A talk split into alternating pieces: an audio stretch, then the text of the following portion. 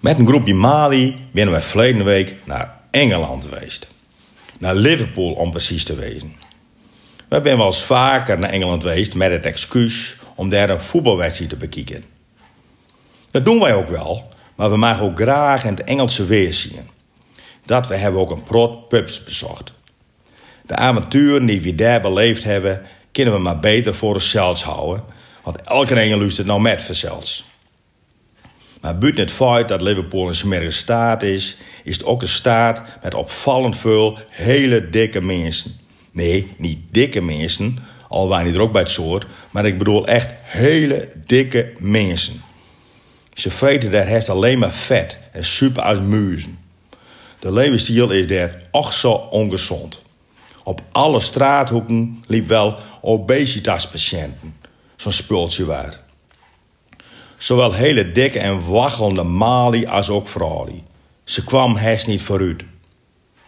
Uit onderzoek blijkt dan ook dat de gemiddelde leeftijd in Liverpool van Mali maar 70 jaar is. En de Maas en Blijwezen ook. Zo stond er zelfs achter.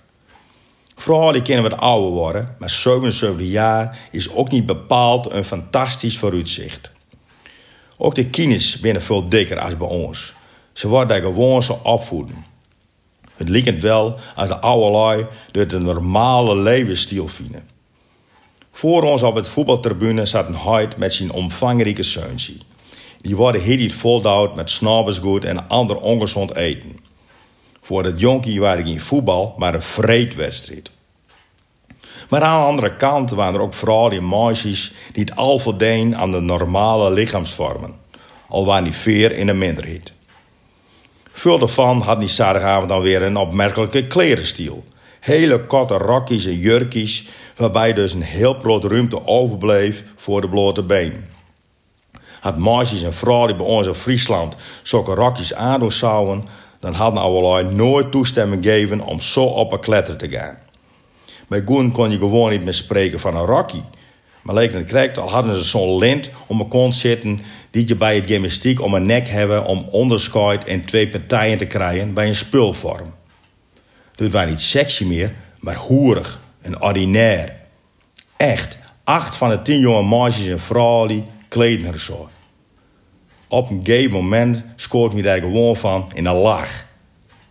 En men keert er dan niks aan je, heren.